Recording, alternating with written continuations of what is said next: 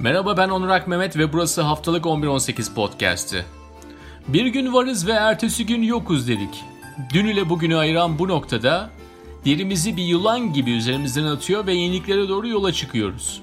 Kim olduğumuz ise aslında gün be gün yaşanan değişimlerin anlık fotoğraflarıyla açıklanabilecek bir şey değil. İşte bu noktada bir hikayeye ihtiyacımız var. Tüm yaşadıklarımızı derleyip toparlayacak ve üzerine anlam katacak kulaklara hoş gelecek güzel bir anlatıya ihtiyacımız var. Hatta artık sokağın köşesindeki dükkanda sizin için hikayenizi çizgi roman haline getirecek bir sanatçı bulmak bile mümkün. Çünkü artık hikayesi olmayana ekmek yok. Sadece insanlar değil, kurumlar, şirketler, politikacılar onlar da iyi bir hikaye anlatma derdinde. Ve anlattıkları hikayelere inanmamızı istiyorlar. Fakat nedense anlattıkları hikayeler çoğu zaman birbiriyle çelişiyor. Kimi zaman bunun farkına varıyoruz, umursamıyoruz. Kimi zamansa ruhumuz bile duymuyor. Çoğunluğun aradığı da zaten hikayeler arası tutarlık değil. Anı kotarmak yetiyor. Olansa hafızası iyi olanı oluyor, hikayenin esasını baştan sona takip edeni oluyor. Yani aklı başında olanlar için çok iyi zamanlar değil bunlar. Bütün bunlar Amerika dahil birçok yerde güç savaşı veren totaliter kafalar içinse bir festival ortamı yaratıyor. Bir tweet at, hikayeni değiştir. Daha önce ne dediğin kimin umurunda? İşte bu baş dördüncü değişime kapılmadan yaşamak çok zor. Kendi hikayenin tutarlılığını sağlamak, anlamını yitirmemek ve üzerine üstlük farkında kalarak değişmek, dönüşmek ve anlatmak günümüzün en büyük mücadelelerinden biri. 11-18'de bizim sahici ve işten hikayelere tutunmamız ve onlara ihtiyacımız olması da bu yüzden. Bugünkü konuğumuz modern hayatın değişim haritasını çizen, çalıştığı şirketlerde ve farklı platformlarda bize değişimin hikayesini anlatan Engin Özören. O da sahici bir anlatıcı ve hep beraber Engin dinleyelim.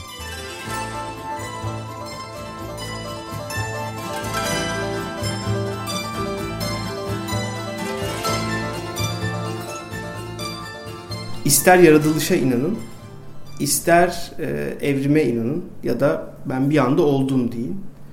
Farklı bir noktaya gitmek için niyetine gireriz. Bir şeyleri farklılaştırmak için hayatımızda. Veya bu bazen sistem dışından da gelebilir. Yani sistemin kendisinden de gelebilir. Bunun zamanla olan bir dansı değişimin kendisini oluşturur.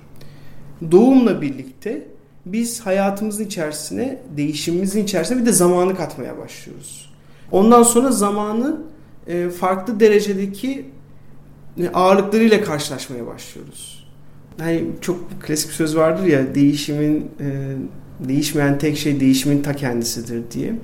Aslında son 100 yılda değişenler bir önceki 200 yıl arasındaki kadar çok çarpıcı. 1000 yıl öncesiyle 9 yıl öncesi arasındaki değişim de en az bugünkü kadar çarpıcı. Biz sadece o zamanlarda yaşamadık onu bilmiyoruz. E, insanlar sürekli değişime adapte ederek kendilerini uzun yaşamanın sırrını, daha mutlu olmayı, daha bedelsiz ve rahat bir şekilde yaşamayı çözmeye çalışıyor. Yine aynı mantıktan. O yüzden de değişime sürekli kendilerini adapte ediyorlar. Şöyle söyleyebilirim. Zeitgeist diye bir kavram vardır. Der ki Zeitgeist zamanın ruhu 1880'lerde Almanya'da ortaya atılmış bir değer o günkü şartlar altındaki zamanın değeriyle bir sonraki yüzyılda ya da bir 10 yıl sonraki zamanın değeri çok farklıdır. Bugün e, bu ofiste 50 yıl önce yaşayan insanların yaptığı işlerle bizim yaptığımız işler çok farklı. Hatta onların 24 saatiyle bizim 24 saatimiz arasında çok farklı. Biz bugün e, eğer hiç değişmiyor olsaydık bugünkü hayatımızı yaşayamıyor olacaktık. Bugünkü zaman, zamana yetişemiyor olacaktık. Bu zamanı yakalayıp kollayabilmek için biz e, zamanın ruhunu sürekli evrileştire evrileştire ilerleştirerek günümüz şartlarına uygun hale getiriyoruz. Aslında değişimi insanlar destekliyor ve bunu e, daha e, kendine uygun hale getirmek için uğraşıyor. Yani şu anda hikaye yazmak, bir hikayeye sahip olmak belki bugünkü değişim konularından çok popüler olanı. E, eskiden de hikayeler vardı ama bugün iş ortamında bile birbirimize şöyle diyoruz. Abi iyi bir sonuç çıkar. Güzel bir hikaye yazdım. İşte Türkiye son 15 yılda iyi bir hikaye yazdı. İşte Amerika'nın yeni hikayesi ne olacak? Herkes artık konulara bir hikaye yani girişi gelişmesi sonucu olan bir e, bütünsel varlık olarak bakıyor. Tek başına işlemiyoruz o. Olgular halinde değil. E, burada en büyük şey de e, hepimiz bir değişme peşindeyiz. De değişim bugünlerde hepimizin e, birinci maddesinde. İşte kurumsal şirkette plazada çalışanlar kendilerini Çeşme'deki bir e, butik otel açma değişimine sokmak istiyor. Ya da tası tarağı toplayıp köyüne yerleşmeyi düşünüyor. Köydeki de tası tarağı toplayıp şehirde bir iş bakmaya çalışıyor. Herkes bir değişim yaparaktan farklı bir noktaya varmak istiyor. Yani standart, kalıpların içerisinde olmaktansa otantik, kendine öz, özgün, kendine ait bir şeyler elde etmek istiyoruz. Bu, bu değişimin de aslında zamanla birlikte olan e, irtibatından hikayeler ortaya çıkıyor.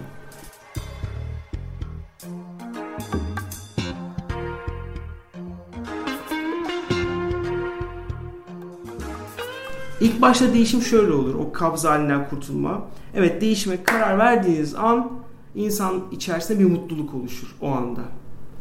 Bu neyse bu değişim. Hani intihar edenin bile bir mutluluğu vardır öncesinde oraya giderken. Sonuçta karar verme mutluluğudur o. Ya da e, boşanmaya karar veren olabilir. Evliliğe karar karar vermiş biri olabilir. Yani o o akşam yüzüğü çıkartıp teklif ettiğinde insanlar çok mutludur. Halbuki 6 ay sonra boşanacaklardır belki de. Yani o 6 ay sonraki kavgalar, sıkıntılar, son 3 ayında kullanılan yoğun e, psikolojik destekleri biraz geriye alın. O aslında bir tek taş yüzük e, teklifiyle başlıyor. O mutlu geceyle başlıyor. O mutluluktan sonra değişim hayata devreye girdiği girmesi ardından bir e, bir öncekinden farklı bir durumunuz vardır artık alıştığınız konfor alanınızın haricinde. E, ondan farklı olduğunuz için bir endişe duyarsınız bir dakika ya her sabah ben bu kadının böyle bunları bunları giy demesiyle mi uyanacağım? Ya da ne bileyim ya yeni şirketimdeki yöneticim eskisi gibi değil. E, ilk günler çok güzeldi bir hafta on gün e, beğenmiştim ama bu nasıl olacak acaba diye bir endişe duyulur. Endişenin ardından bir korkuya dönebilir bu. Ya bir dakika galiba ben yapamayacağım. Evlilik bana göre değil, ayrılık bana göre değil. Bu iş bana göre değil ya da bu yalnızlık bana göre değil bir korkuya neden olabilir. Korkunun ardından endişe, korkudan sonra insanın hissettiği üçüncü düşünce tehdittir. Bu değişiklik, bu yaptığım değişiklik gerçekten beni tehdit ediyor. Artık ben bu şekilde dayanamıyorum. Daha fazla devam edemeyeceğim. Sıkıntı hissetmeye başladım gibi. Tehdit Ten sonra işte o e, en dibi, mutluluğun en dibi belki başladığınız noktanın onda biri mutlu olduğunuz e, depresyon kısmı gelir. Bir sıkışıklık, kabz hali. Bu, bu e, depresyon hali aslında son durak. Ya siz o değişimden vazgeçersiniz, onu öldürürsünüz komple. Yeni bir değişikliği açarsınız. E, hiçbir insan o uzunca bir süre depresyonda durup da ömrünün sonuna kadar o noktayı e, yine o ufak porsiyon haricindekini söylemiyorum yaşadık ve değiştik. Kabuğumuz değişti. E, farklı bir hayata geçiş yaptık. Değişiminden ya vazgeçersiniz, yeni bir değişim yaparsınız ya da artık o son noktasıdır. E, kademeli kabulle, evet benim yeni hayatım bu. Bundan sonra yavaş yavaş toparlayarak ilk başladığınız o değişmeden önceki mutluluk seviyenizden çok daha yukarılarına çıkabilirsiniz.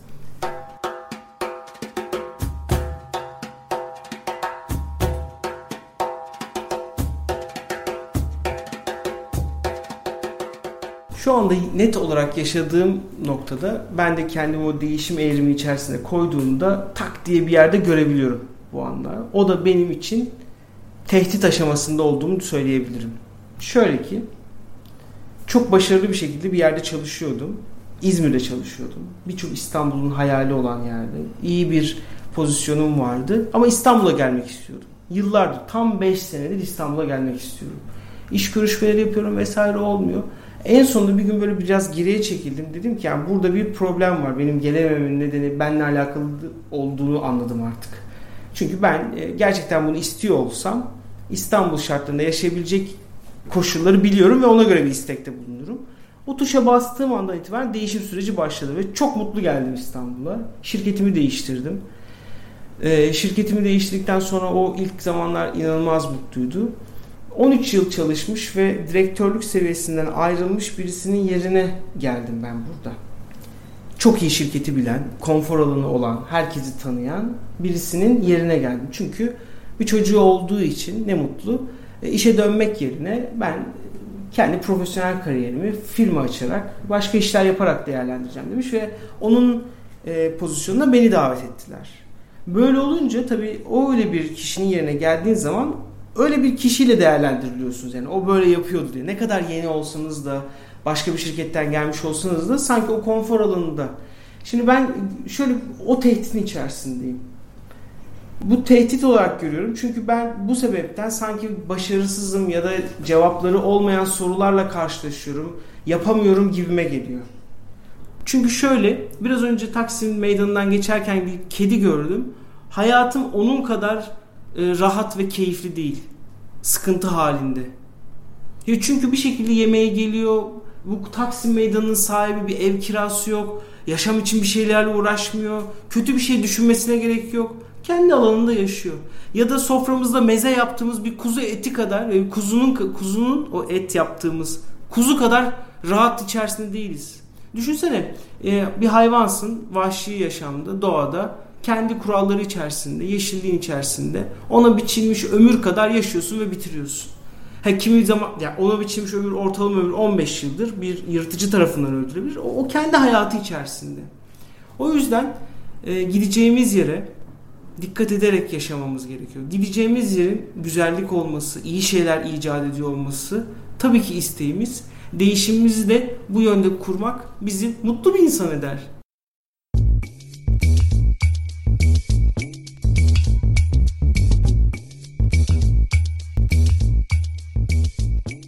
Toplumu değiştiren de aslında bir tane insanın değişimidir. Birkaç örnek vereyim. Şöyle düşünün. 15 yıl öncesine gidiyoruz. Elon Musk uyanıyor sabah Diyor ki ben bir enerji şirketi kurayım, ben bir uzaya füze şirketi kurayım, ben bir bilmem ne kurayım vesaire. Teknoloji alanında ilerleyecek bir şey yapıyor. Bugün toplumlar e, belki Elon Musk gibi başka adamların da bir gün uyanıp değişmesiyle e, bugün yenilebilir enerjiyi konuşuyoruz. Çevreye duyarlı sistemler konuşuyoruz. Aldığımız bir ürün A artı mı diye bakıyoruz toplumsal olarak çevreye karşı bir duyar geli, duyarlama gelişiyor. Belki bu Avrupa e, topluluklarında bizden biraz daha önce başladı. Türkiye'de bunu bir 10 sene sonra daha da duyarlı hale geleceğiz. Bu bir adamın rüyası haline gelirken ilerleyerek bizim hayatımızı değiştiren bir konu olarak ortaya çıkan ufak bir örnekti. Şöyle söyleyeyim. Firmalar şunu yaparlar. Bir ürünü lansmanı yapacak diyelim ki. Bunun bu yeniliği kim herkesin aklına kazır diye düşünürler. Premium dediğimiz zengin, iyi yani üst segment markalar neden e, bir aracı Ortaköy'deki gece kulüplerinin kapısına reklam olarak koyarlar mesela? Hiç hiç manası yok. Ya yani oraya konulması yerine sen plazana koy, satış yerine iki tane çok ciddi anlatan adam tut, gelen anlatsın. Ama şunu yaparlar. Gece kulübüne gelen insanlar diyelim ki Türkiye'nin en yüksek seviyeli, e, en zengin, en e, sosyal kültürel anlamdaki üst seviye insanları o gece kulübüne gidiyor olsun. Onlar öyle düşünüyor. O gece kulübüne giderken o aracı kapıda görecek. Aa diyecekler ki buraya gelenlerle bu kendine bir tutmuş gidip buna bakalım diyecekler. İşlerinden şanslıysa birkaç tanesi onu almayı deneyecek onu aldığını gören o e, kişinin çalışanları ya da etrafındakiler aa sen bunu mu aldın deyip onlar da kullanmaya başlayacaklar. Bu tepeden piramit olarak aşağı kadar toplumun bütün merkezine doğru gidecek. Kullandığımız birçok alet edevatta bu teknoloji, bu e, terminolojiyle aslında bizim hayatımıza giriyor. Instagram fenomenlerine o ürünleri bilerek kullandırtıyorlar. Çünkü oradaki amaç bu kullandıysa bunun altındaki bir buçuk milyon kişiye de bu yayılacak ve bütün toplumun kullanması sağlanacak. Değişimler de bu şekilde. Bugün e, Türkiye'nin son 15 yılına baktığımız zaman ciddi bir hem yönetsel anlamda hem e, siyasi anlamda bir değişim yaşadık. E, bu değişim 15 yıl öncesinde böyle değildi. Bugün nasıl bir arada oldu? Çünkü tepedeki e, insanların sürekliliği sağlayarak bunu bu şekilde gerçekleştiriyor olması bizim e, farklı bir topluma sahip olmamızı e, neticelendi bugün.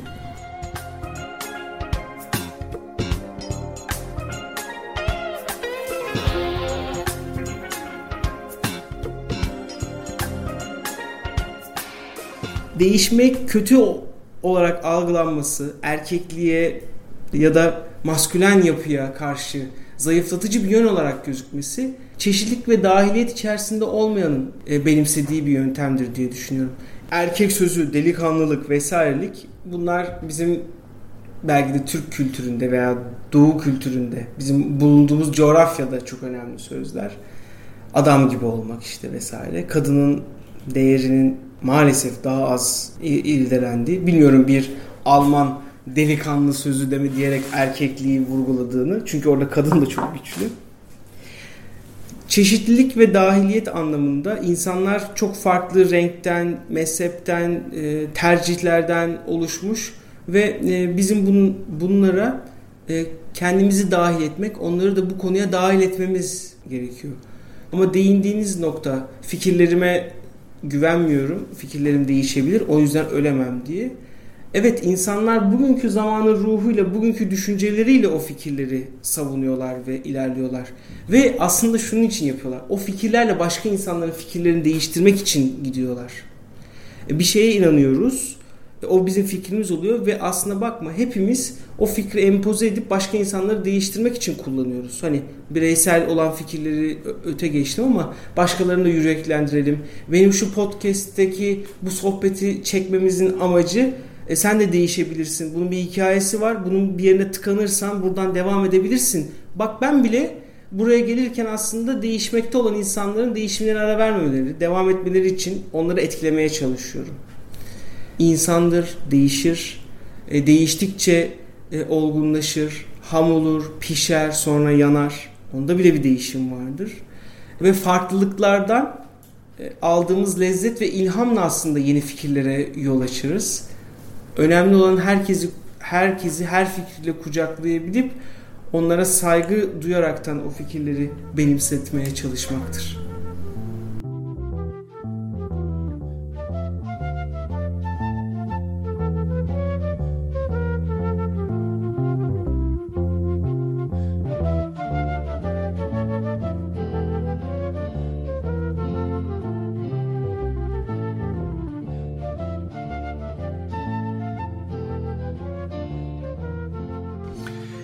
Değişime ihtiyaç duyuyoruz ama hani bu değişim bir alışkanlığı bırakıp başkasına başlamak değil.